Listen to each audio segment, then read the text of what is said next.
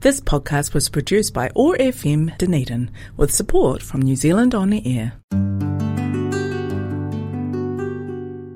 It's time for Muslim Chaplaincy Conversation at OAR FM Dunedin. Bismillahirrahmanirrahim. In the name of God, most gracious, most merciful. Assalamu alaikum, which means peace be with you in Arabic. My name is Arina Aizal and I'll be your host for the Muslim Chaplaincy Conversation. In today's episode, we have an interview with Mrs. Suzanne Menzies Culling, an activist for social justice and director of Tauiwi Solutions. Suzanne has been a strong and active supporter of the Palestinian cause and will share her views with us. We begin, though, with a recitation of the Quran by Sheikh Mishari Alafasy, Surah 82, Al Infitar, torn apart, verses 1 to 16. بسم الله الرحمن الرحيم. إذا السماء انفطرت وإذا الكواكب انتثرت وإذا البحار فجرت وإذا القبور بعثرت علمت نفس ما قدمت وأخرت يا أيها الإنسان ما غرك بربك الكريم الذي خلقك فسواك فعدلك في أي صورة ما شاء ركبك كلا بل تكذبون بالدين وإن عليكم لحافظين كراما كاتبين يعلمون ما تفعلون إن الأبرار لفي نعيم وإن الفجار لفي جحيم يصلونها يوم الدين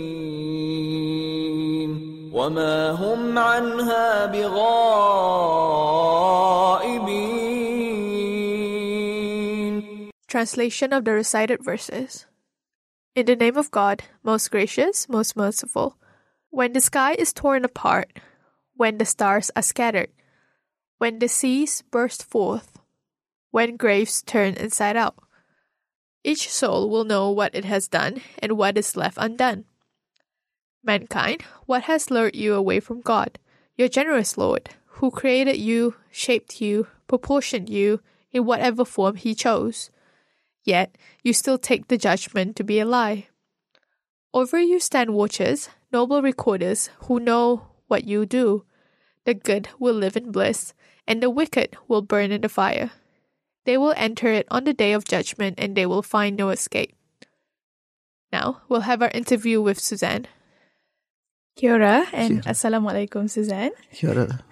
Thank you so much for being here today on Muslim Chaplaincy Conversation. It's my pleasure. I felt, felt very honoured actually to be asked. Um, would you please introduce yourself to our listeners? Yes, so my name's Suzanne Menzies Culling. Um, I was born and bred in Dunedin. Um, I have lived in other places, but I've been here mostly all my life. Um, I'm married with three sons. Uh, I'm the eldest of eight. I had two sisters and five brothers. Um, I was raised as a Catholic, went to a Catholic school, Catholic education. Um, what else can I say? I've got four beautiful grandchildren. That's the most important thing these days. So, yes. Um, so you've grown up in a big family. Yes, yes. My father was a grocer. Um, so we grew up in a shop on the corner of Arthur and Russell Street, just in the town belt. Um, so you've been in Dunedin most of your life. Yes, apart from a couple of years in Christchurch while my husband was doing his teacher training, uh, and then four years in London. Um, we- we went over in late seventies with our two babies They were baby. So the, the oldest was three and the youngest was one, and the oldest is going to turn 50 this year, so Wow. that's a long time ago. yeah. Um, so what was Dunedin like during that time for you? Um, it was very small, very conservative. Um, I had a friend who used to call um, call the descendants of the first settlers uh, the canopy, and he reckoned that they, the people who came in the first ships, sheltered the rest of us from the sun. So when I was growing up, there were um, was a lot of discrimination against Catholics, which was interesting. Um, there'd be jobs advertised in the main street, you know, sandwich boards on the on the footpath saying, you know, vacancy apply within, and then it would have a sign, Catholics need not apply. And that, you know, if you went there and they'd say, "What school did you go to?" and you tell them the school, and they they would know straight away that you know you're Catholic. So, so a lot of Catholics work for the government, which was interesting. In the city, there are lots of government departments in um, in Dunedin, and that changed in the 1980s with the neoliberal reforms. Yeah. Um, in your school experience, what was that like? It was a girls' school. I loved it. It was um, quite peaceful compared to the chaos of our home. Which, Growing up with many siblings. yes, yes, with me. And, um, and it was uh, all our teachers were women. Um, all the school leadership, all the everyone, you know, in the high school, it was all girls, and I, I loved it. Mm. Yeah. Do you have any childhood memories that you're fond of during that time? Not really. I, that was a question. I remember thinking there's, only one thing I thought of, and it wasn't wasn't appropriate to repeat. yeah, but I just it was it was a good time. I suppose it was um, uncomplicated, simple, more simple times than we're in now. Can you tell us about your education? Um, well, I had five years at high school, and then I went. To, uh, didn't go to university when I left school. I, I was sick of sitting in a classroom and listening to people, so I got a job at the med school as a laboratory assistant. Uh, and then a couple of years later, I decided I wanted to earn more money than that, so I went and worked for the post office, the district engineer's office, as a clerk. So that's I did that kind of work right through till I got married, and then when we were living in London, I was also doing clerical work and working in accounts and things like that. Came back to Dunedin, couldn't get a job, so I went to university for a year, um, and then at the end of that year, I uh, my husband and I um, were made Otago Southland organisers for Corso, which was a a Dunedin, uh, not Dunedin, a New Zealand um, organisation, aid and development um, organisation, a bit like Oxfam, but more progressive than Oxfam. And um, What did you study? I didn't. I studied uh, economics, accounting, and computer studies. I, I would have done law, except I already had two brothers and a sister who were lawyers, and I thought that was a bit boring. so I decided I'd branch out and do something a bit different. Yeah. So your work seems to have focused on social justice in general and for the Maori particular for more than 40 years. Can you tell us how you got interested in this? Well, I in in um, 1976, so I was just a young mum. I think I was pregnant with my second baby. Um, I was involved in setting up Women's Refuge in Dunedin. And that was because um, one of our members had brought a, a woman along to us who had three children and nowhere to go to leave a violent marriage. And it wasn't really what we were doing. We were protesting about increased prices of groceries and things like that. But then we thought, well, if no one else is going to do it, someone has to do it. So we decided we would, you know, call a public meeting. So, so we set up Women's Refuge. We spent the first year fundraising and visiting people and trying to find a, a house. Um, and then I, I was burnt out. So we went to England. Oh, we, we went to a few places, but we ended up in England. And while we were there, we were quite homesick. Um, and it wasn't like New Zealanders normally on the OE, you know, you, you sort of bunk down on someone's floor and, you know, you live rough. But when you've got two babies, you've actually got to have somewhere stable. And uh, anyway, so we had a flat and we saw New Zealand um, people on, there's a radio program, no, a TV program called The Generation Game. And the London Māori Club were performing, doing poi. And what the game, the thing was, program was about watching experts do things and then you and your father or your mother and your brother or whatever would be the generation and they would try and do the same things as these people had done. So I saw these Māoris on TV and know were Pākehā people too. So I thought, oh, you must be able to go along and, you know, learn songs. So we rang up on the Monday, rang New Zealand House and then we joined and we were there, going there for about three years. And while we were there, I heard a story from an old woman about what had happened to her and her family here. And I was so upset to hear what had happened that we hadn't, I think we hadn't been told about. So this history was all hidden from New Zealanders um, on purpose by the politicians, by the media, by historians.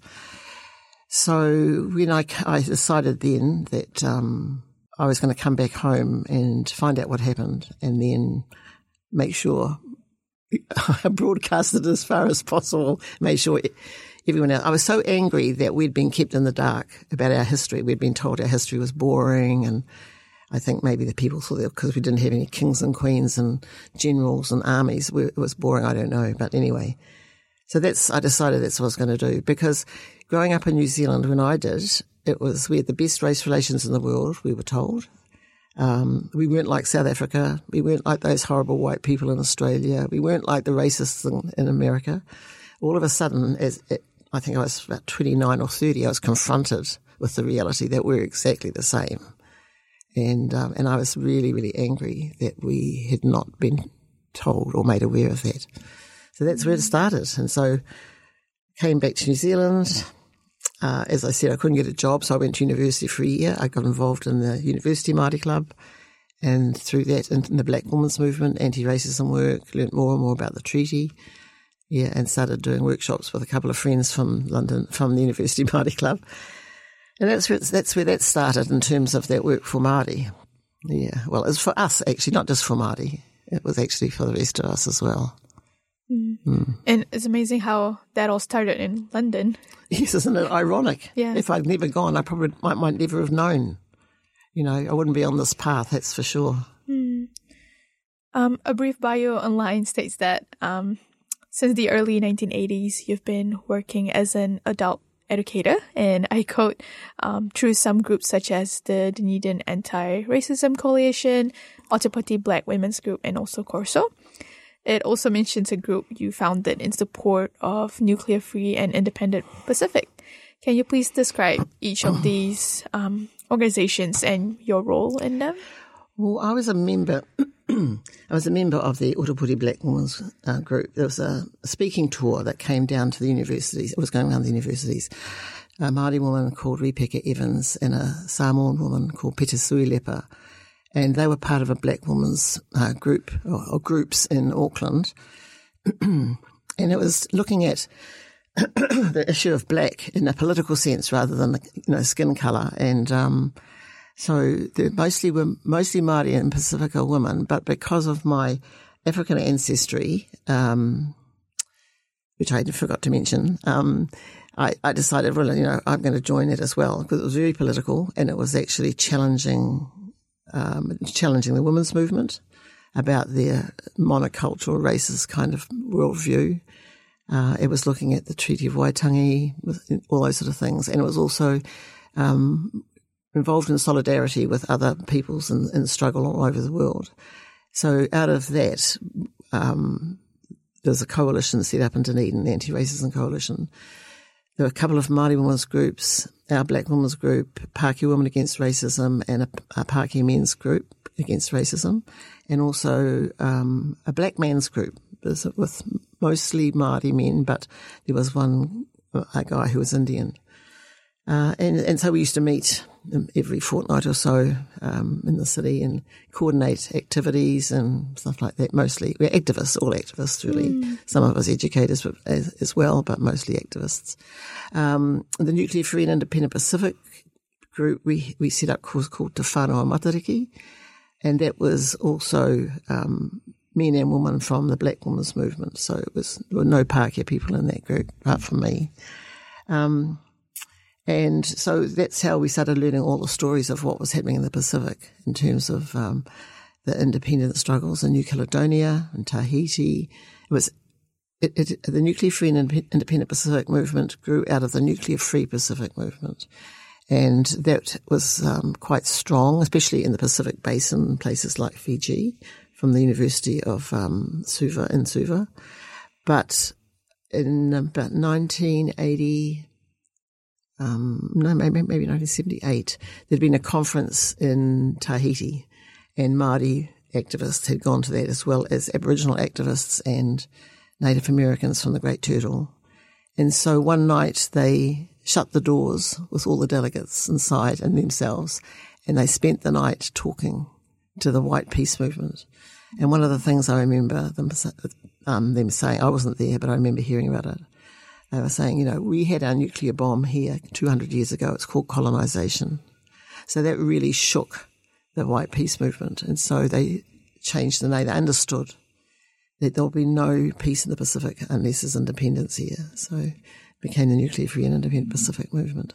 So there was a group in Auckland called PANAC, Pacific People's Anti-Nuclear Action Committee, um, and that was Māori and other Pacific um, people in South Auckland mostly, but not totally. And we were um, we were friends and and colleagues with some of those people through Corso, and so uh, we set up Te Whanau Matariki and Dunedin's. That was the, the the other peace group in the, in the country that wasn't white. Mm. Mm. Uh, it's amazing how one thing led to the other. Yeah. Uh, and then yeah. it kind of grew. Um, you mentioned about your African ancestry. Can you ma- tell us about that? So, um, my on my father's mother's side, uh, his great grandfather was a, a ex-slave who was transported from Antigua in the Caribbean. So his people had been taken from the west coast of Africa during the slave trade and taken to the Caribbean. And so he was transported about in 1835, just after the end of slavery, after slavery was abolished in the British colonies in the Caribbean. And uh, he married a woman there, an English woman. And his son, John Christopher, came over to Christchurch in the 1880s, or maybe 1880, and married an Irish woman who's my great grandmother. Mm. And uh, and so my, my grandmother, Nell, she's she was very dark, very, very black, and I remember asking her, where, where, do you come from? And she said, I'm Irish. but she would have been the only black woman in, in Oamaru growing up. So she would have, uh, she was very, very hard. But now that I think about the life she would have had, I've a lot of love and admiration for her, what it must have been like. And my, da- my dad too was always mistaken for Lebanese. Um, because he, he, used to be at the market with all the Lebanese um, mm. grocers and things like that. So people assumed that he was Lebanese. Yeah. Mm. Um, you told us a bit about what you did before 1980s, but is there anything you haven't told us? I don't think so. No, it was just most of like I was married in 1972, had babies, set up women's refuge, went overseas. That was pretty much um, me in the 1970s. Yeah, it was preparation time, I guess, I figure. Yeah. Yeah. Um, you're the director of Tauiwi Solutions. Yes. So Tauiwi, Tauiwi is the word uh, that describes all of us who live here who are not tangata whenua. So um, Pākehā, I, I, like to I like to put Pākehā in our in our proper place, which is saying is, you know, we're a subset of Tauiwi, so it's us and everybody else. Whereas if you ask Pākehā people to describe the, the community of New Zealand, they would say, well, it's Pākehā people in lots of minorities. And they would include tangata whenua as one of those minorities. But one of my friends and teachers, Titewhai Harawira, remember one of the first things I ever learned from her is she said, in this country, there are, Pākehā, uh, there are tangata whenua and everybody else. And I thought that's a really good way to look at it. You know, it actually puts us in our place. So, it's not about race. It's about the relationship with the land, the responsibility uh, to look after the land and the people, all those sort of things that it means if you're an Indigenous person. And um, yeah, so, so that everybody else are, are tauiwi. It's a, it's a Māori term that used to be used for um, different Māori tribes and hapu coming into land that wasn't there, where they weren't mana whenua. Mm. Um, some people call us, the, the everybody else's, um, tangata treaty, but I, I don't use that mainly because I've worked with Samoan activists and educators for a long time. And they would say, don't blame us for your blooming treaty. We didn't write the treaty. We didn't sign it and we didn't breach it. You know, that's your problem. And I, that's fair enough. You know, mm. why should we, why should we make everybody else responsible for the fact the treaty hasn't been on it? Mm. Yeah.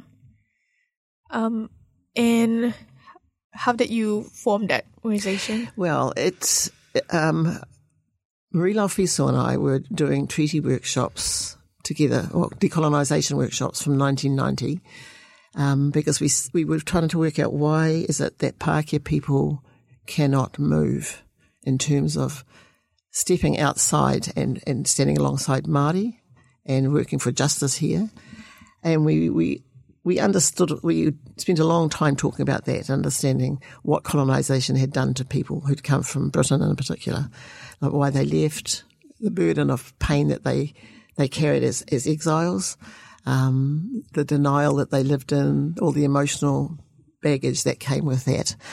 So we created these decolonisation workshops to help Pākehā um, face up to our own history and, and move on. And I used to say, look, you know, have a cry and get over it. You know, what happened was sad. Our people came. They weren't bad people, but what they created here was really bad. And so you know, acknowledge that and move on. Um, so as part of that um, work, we started working with our own families um, because most of the work had been done by women. So we thought, so the men are gonna they got to step up too, and um, and our kids. So we set up Freedom Roadworks, which was a family-based group based in, in Dunedin, based in Dunedin, Māori and Pacifica. So there were um, people from the north and people from Kahungunu on the east. Um, there also were um, Samoan and Tongan, Cook Island, Niuean, uh, uh, Tokelauan, sorry, Tokelauan um, families, and some of them had Chinese ancestry, and then was our Pākehā family.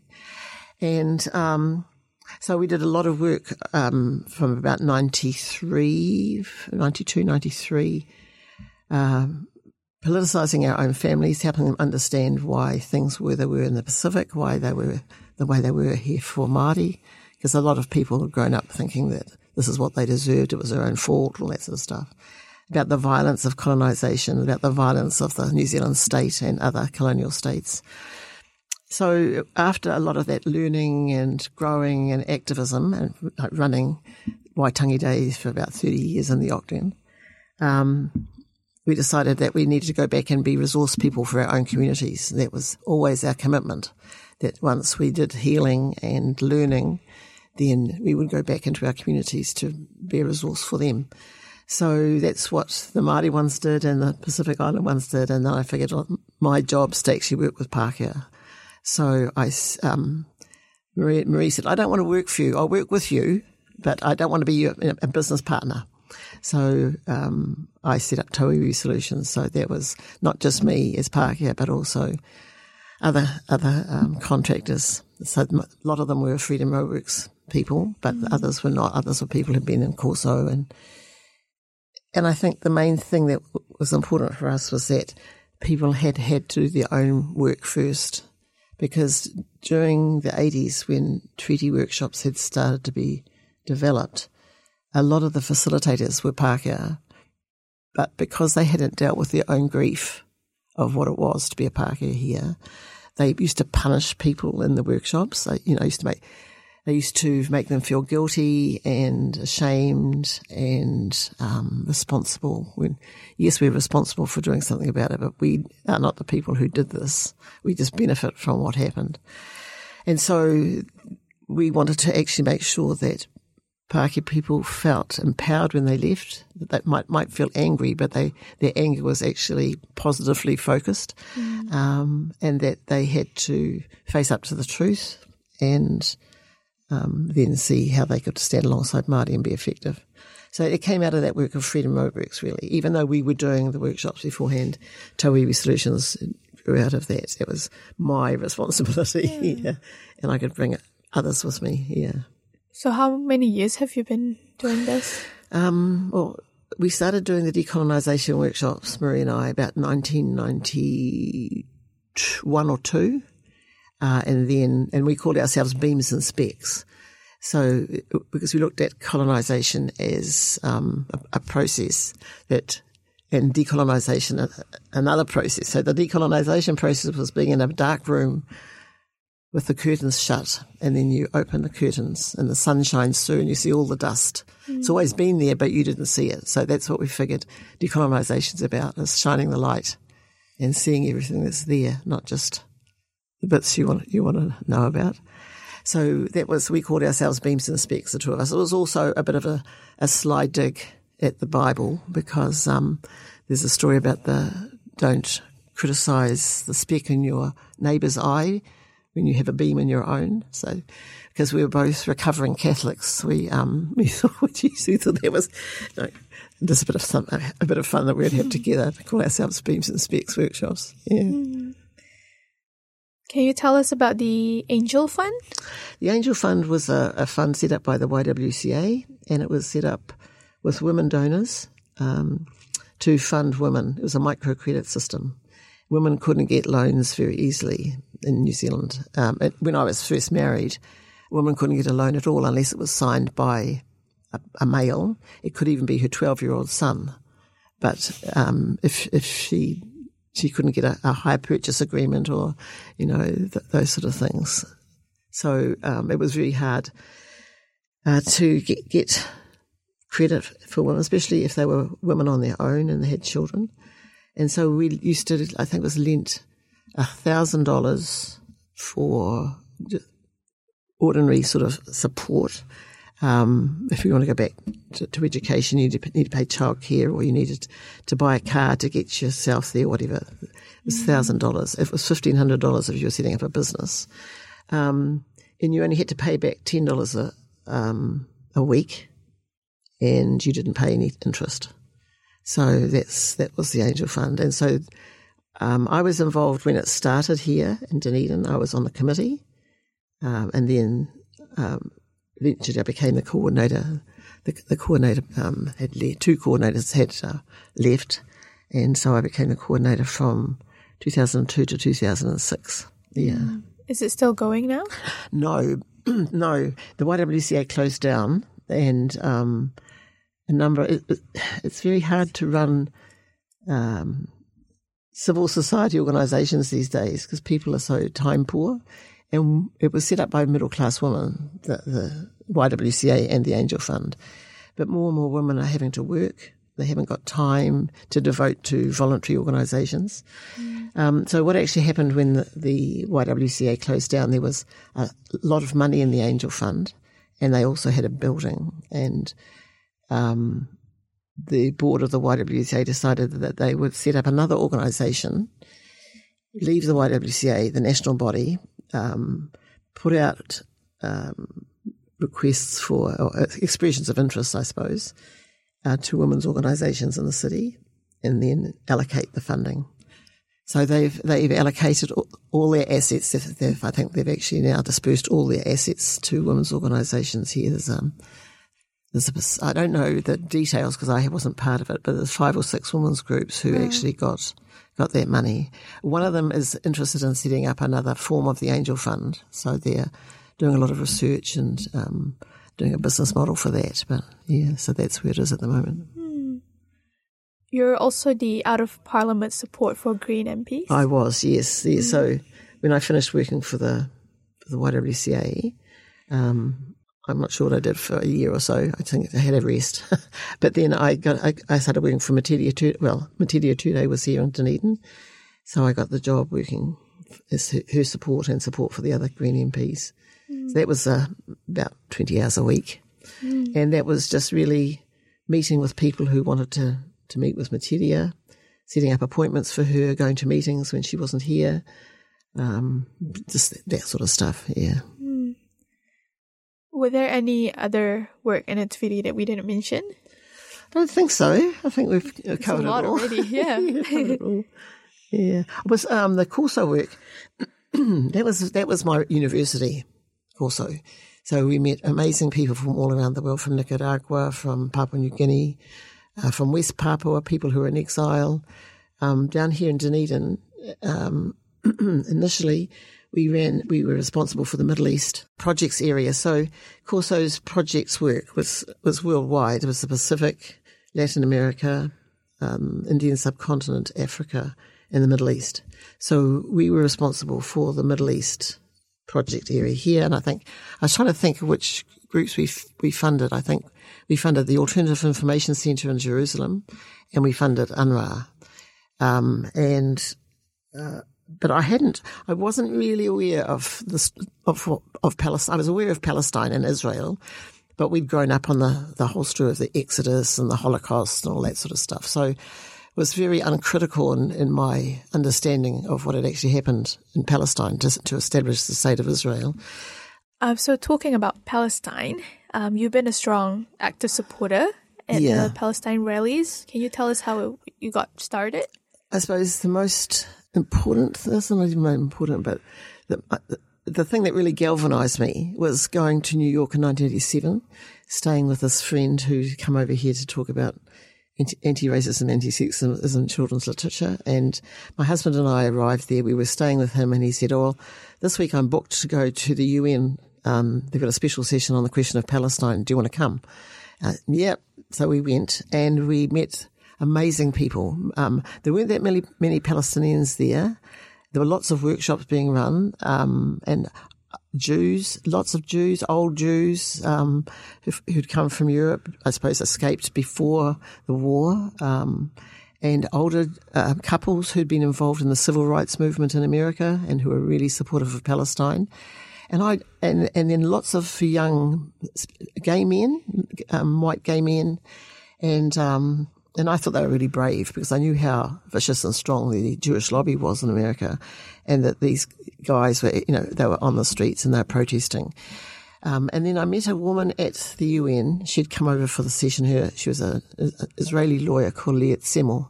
And as it happened, her, her husband, Michael Warschawski, was the editor of um, a- a publication that came out of the um, Alternative Information Centre that I think I mentioned earlier. And um, so that was a Jewish publication uh, based in um, Jerusalem. Anyway, so Leah talked about the racism of the Israeli state, of the Zionist state. And so I'd, I don't like calling it the Jewish state because so many Jews do not support it. But it's definitely the Zionist state. And um, so that's what blew my mind. I really understood that this was was not a question of religion; it was all about race. And she talked about how Palestinian um, Palestinian Jews, Palestinian Muslims, Palestinian Christians are all um, basically treated as second class citizens. If you weren't a white Ashkenazim Jew, then you had no power much in, in that state of Israel. Um, and so all those white people who'd come after the war, uh, either through America or just straight from Europe, um, basically they were the problem because Palestinians had been living together regardless of their religious beliefs for, you know, centuries. It was only when all the white people started coming from from Europe that the problems began.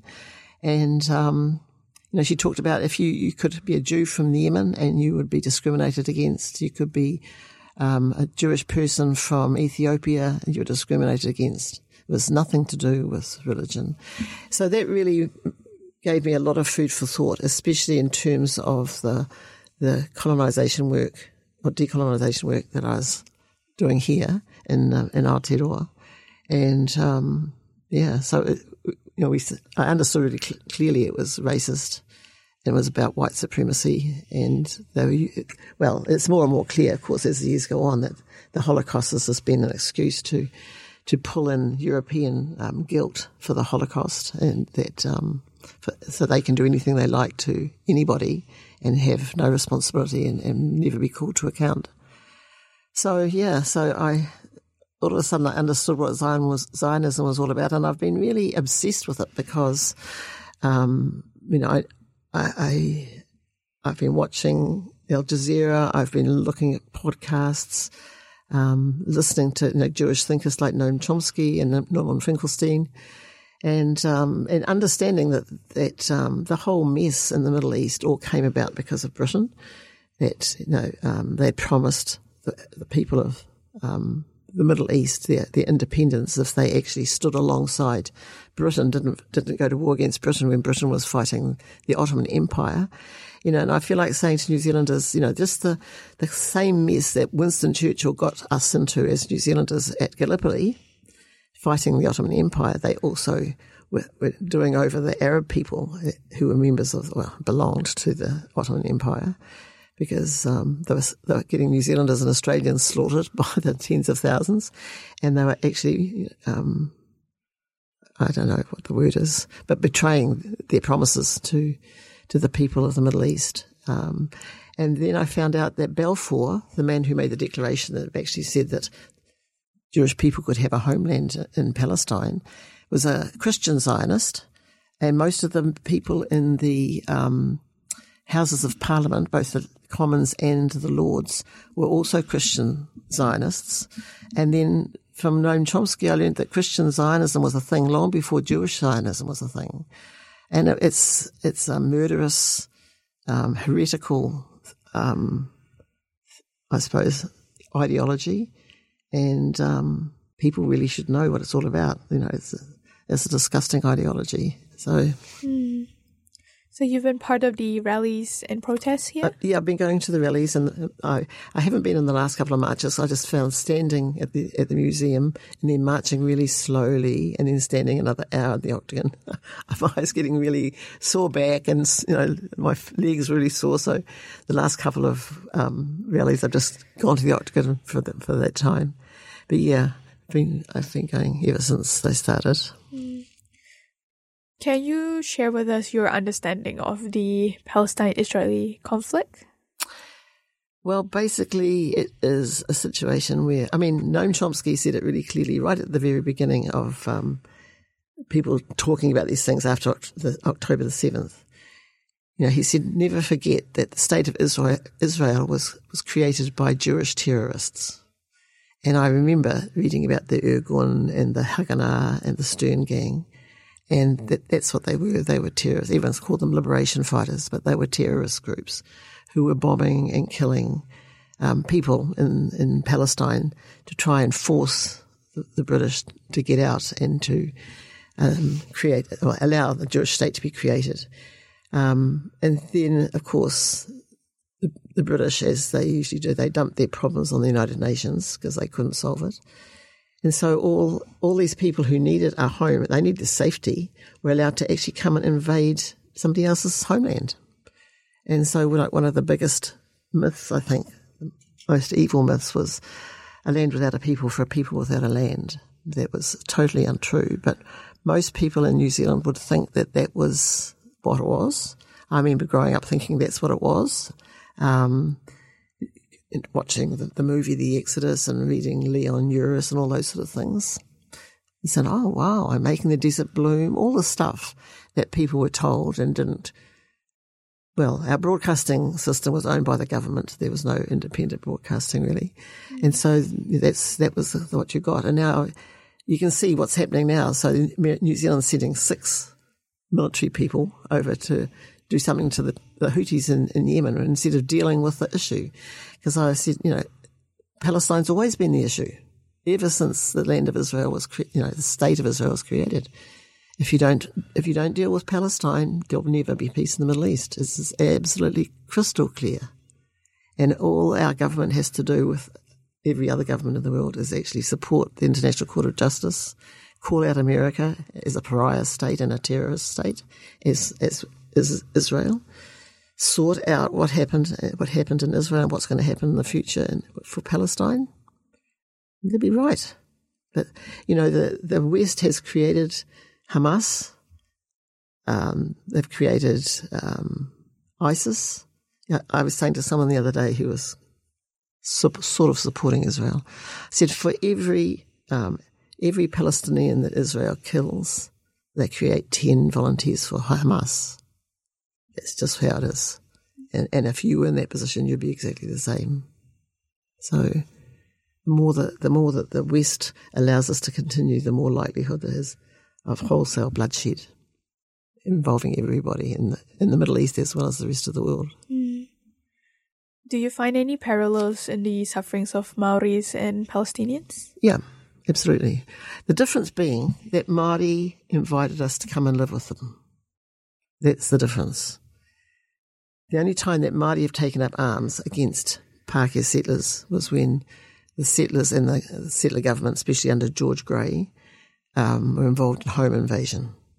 Because up in the, in the Tainui Waikato area, they'd given land for the establishment of the city of Auckland. And they said, so south of this, no settlers are welcome. This is the, the we draw a line here. So that was okay for a while. Then more and more, more, and more, more, more settlers came and they started putting pressure on the government and on the governor. And so because Tainui would not sell any land and wouldn't allow them in, the governor actually uh, got the British Army to build the Great South Road straight into Tainui's land and took gunboats down the river and invaded the Tainui area, the Waikato area. And that's when the people fought back. But um, other than that, it's never been an issue. Um, it has been an issue in terms of the loss that Māori have incurred, but when a friend of mine was in the 70s telling um, Pākehā to go home, get on a boat and go back where you came from, her grandfather said to her, you must never tell the Pākehā to go home because we invited them to come and live with us. And she said, what did you do that for? and she, he said, because we saw that they, they went to church, but they didn't, they didn't operate the same way spiritually as we did. And there were lots of things starting to happen that were not good in the spiritual realm because of things that people were doing to each other. So we thought that come, having these people come here would make it uh, more balanced because they didn't have that kind of mana. And we thought that the things that they had to teach us and the things that we had to teach them would create a much better place than either Britain that they come from or here. That would have been an amazing mixture uh, as a new nation. So you must never tell them to go home. So that's a different arrangement. That's why Māori still, you know, they're activists, they're angry, they have used every kind of means at their disposal to get justice, to fight back, to hold the line. But that was never an option given to the Palestinians. That was just a wholesale invasion. And the international community condoned it and resourced it. And it's still happening because the Americans keep giving them billions of dollars every year just so that they can protect the oil of the Middle East or their access to it. Mm. So, yes, there's lots of similarities, but there are also big differences. Mm. What do you think of the current Gaza massacre? It's heartbreaking, it's disgraceful, it's um, unforgivable. Uh, I think our country is, well, our government is really gutless. Not surprised, because Luxon is probably a, a Christian Zionist. Um, it's in this day and age, it's unbelievable that this can happen, and the governments of the world, especially of Europe, can stand by, and they can stand by because the world, their people, do not understand the reality, which was that Arabs and Jews, Muslims and Christians and Jews had always lived together had lived together in harmony. And I remember I saw something today saying that when the Romans um, kicked out all the Jews from from Jerusalem, from Palestine, it was the Caliph who allowed them to come back in, and Jews were able to come back into Jerusalem. And the reality is that um, the Palestinian people are paying the price for the centuries of hatred that Jews endured in Central Europe in places like Ukraine and Russia and Poland. That's where, that's the hatred between the Christians and the Jews, or the Christians towards the Jews. It had nothing to do with Palestine or the Palestinians, and yet they're the one, they're ultimately paying the price for the Holocaust, because the Holocaust is the excuse the Israelis always have for we can do whatever we like, because look what happened to us. Well, the Palestinians weren't part of that.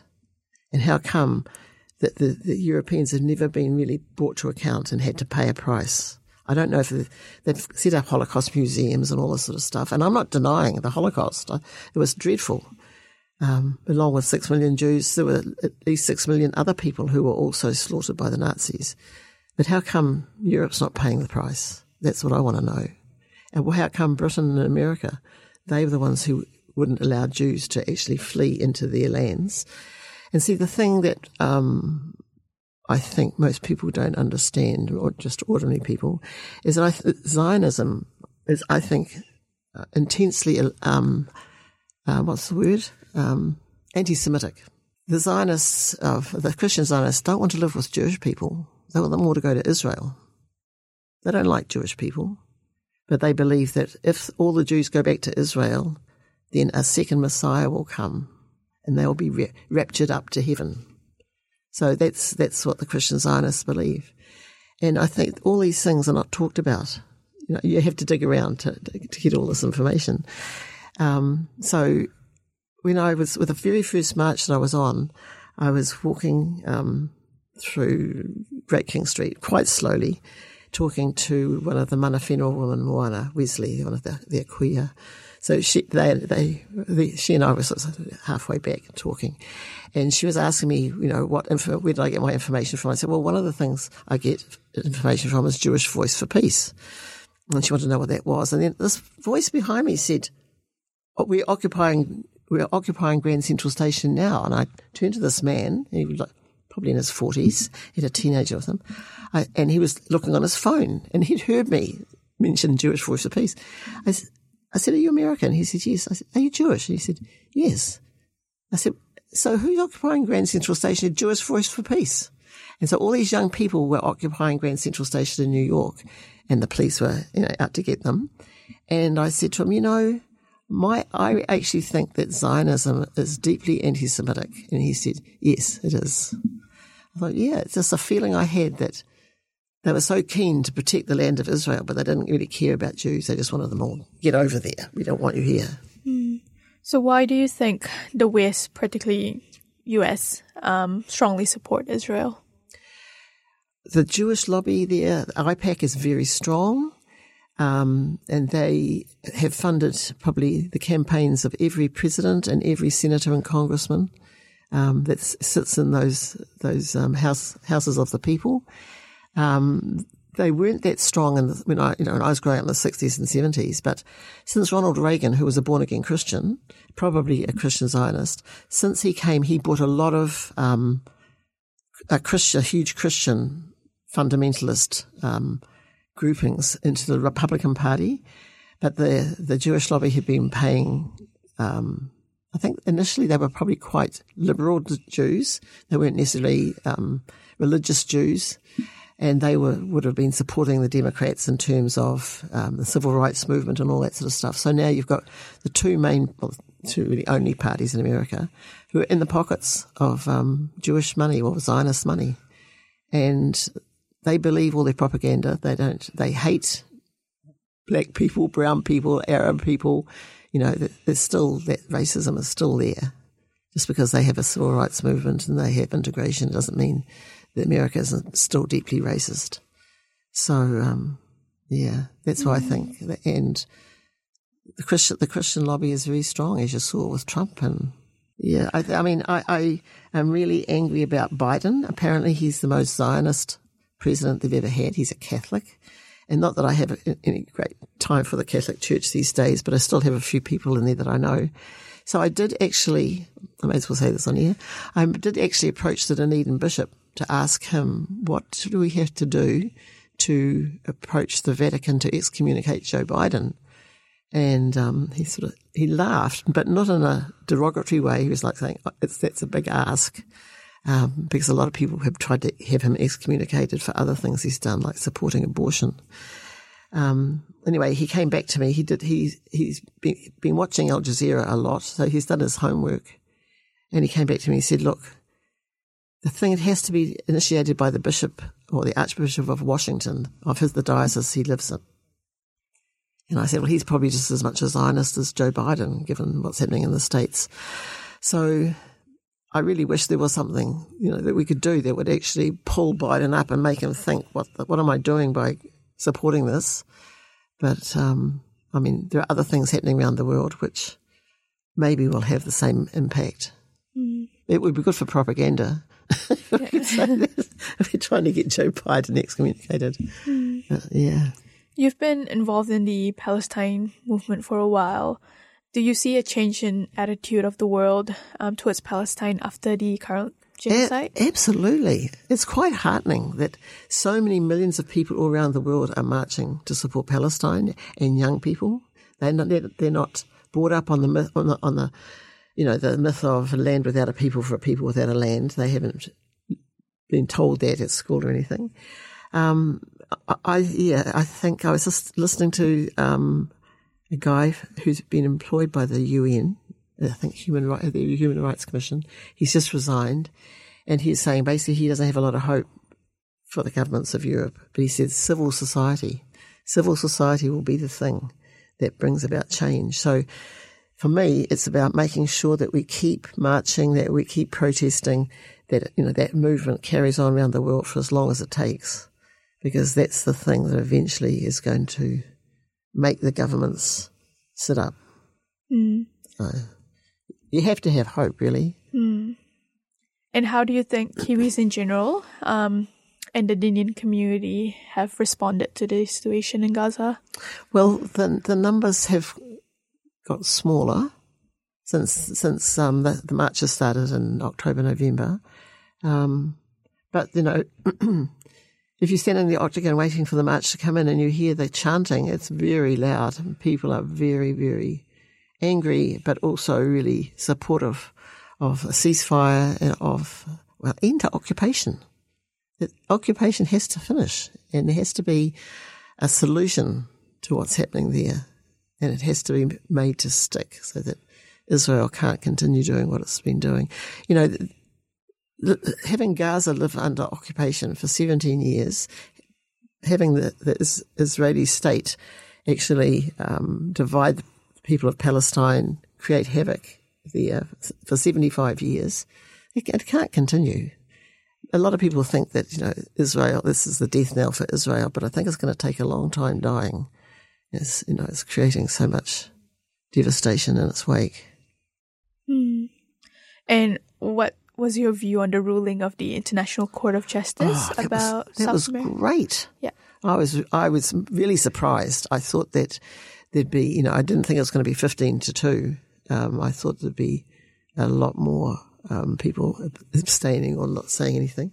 Um, it was interesting that it was the, the president is an American judge, and she was the one who actually announced the ruling. That was good. Um, I was interested. I was getting mixed up between Venezuela and Argentina but the Venezuelan judge ruled she was one of the two. Um, I think it was a she. But um, her, her, government then came out and said that, that, that that judge does not represent us. So that was also really heartening. Um, so I think there was a Kenyan. The other the other person was a Kenyan judge, the, one of the two. I, I was disappointed that they didn't um, call for a ceasefire. That was a disappointment. But they did all but in terms, and they had really damning things. I think it's, it's really damn, um, injured Israel. Um, but I'm really angry at the kind of, the way that New Zealand is responding is like saying, well, you know, it's really like giving the finger to the International Court of Justice by sending people in saying, you know, we're going to stop these Houthis, you know, bombing the ships and whatever rubbish they're talking about. Mm. You know, they're too scared to actually t- tell the truth. In fact, they say it's naive to think this has got anything to do with Gaza. So that shows you how dumb our government is. What can we do to support Palestine from New Zealand? I think that we have to be um, really active in uh, communicating with our MPs, um, sending uh, messages to our government whichever way we can, being part of the boycott, uh, divestment, and sanctions movement. So that was promoted last week at the um, at the rally, and the, lots of um, different strategies people have, were were told about that they could use to actually boycott Israeli products. Mm. Um, the Israeli government is very worried about the BDS movement because it has been having an impact even before this happened. Um, the Americans have made it illegal to boycott anybody. um, and so they're the kind of things that we have to do. We have to talk to people about what we know, um, try and find as much information. Look at look at podcasts, listen, look at Al Jazeera, get the information. You won't get it from um, TV One. I was watching TV One last night. I was so angry, and I thinking that's why I don't I don't usually watch TV One, but um, you know it was so sort of um, weak, um, and really, yeah, it, it was really um, well, that's weird, was trying not to be pro-Israel, but it really was. Being, you know, it wasn't telling the truth in terms of, mm. and they didn't want to actually side with the Palestinians because they've bought into this thing that the Palestinians um, uh, are complicit because they're sheltering Hamas. Mm. You know, there's so much ignorance here. So the people who know need to be talking about it a lot. Yeah. Yeah. And thank you so much for being here today. You're um, welcome. we learned so much from you. Thank you very much for having me. Now we listen to a song by Yusuf Islam, Cat Stevens, entitled The Little Ones.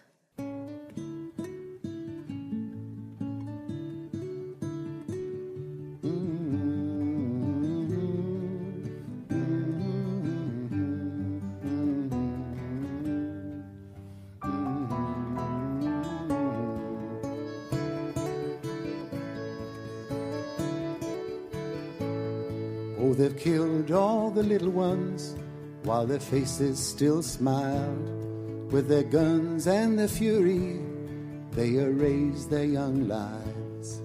No longer to laugh, no longer to be a child. Oh, they've killed all the little ones while their faces still smile.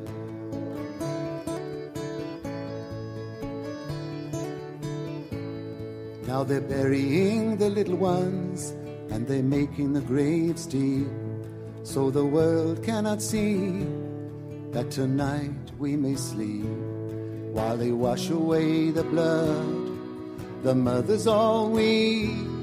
Oh, they're burying the little ones and they're making the graves deep. Yes, they're burying the little ones and they're making the graves deep.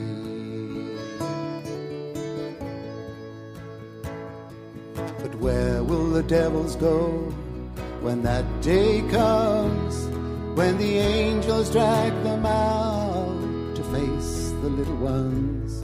Oh, they've killed all the little ones with their eyes open wide. There was no one to help them on the day that they died. No bed to run under, no cupboard to hide.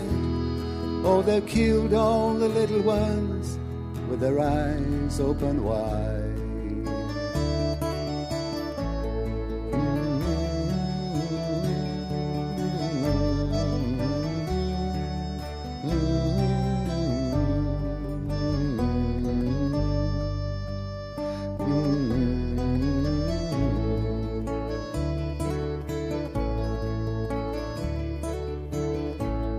They'll be raising the little ones with no sin to atone. In the light of high heaven, they will sit on tall thrones where playtime lasts forever and God's mercy never ends.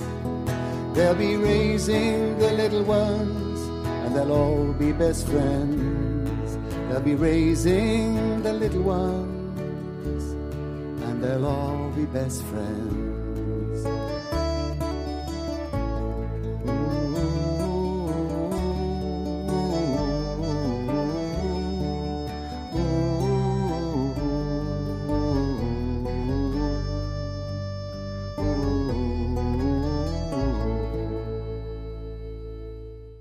That is the end of our program today. Thank you for your time. Special thank you to OAR FM for facilitating the production of this program.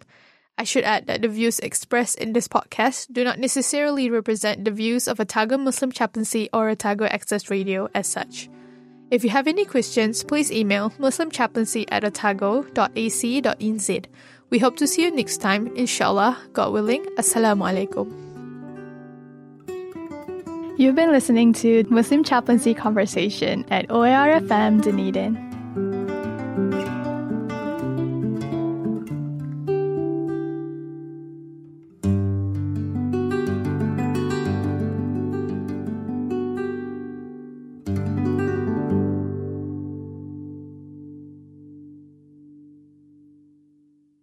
This podcast was produced by OAR FM Dunedin with support from New Zealand On the Air.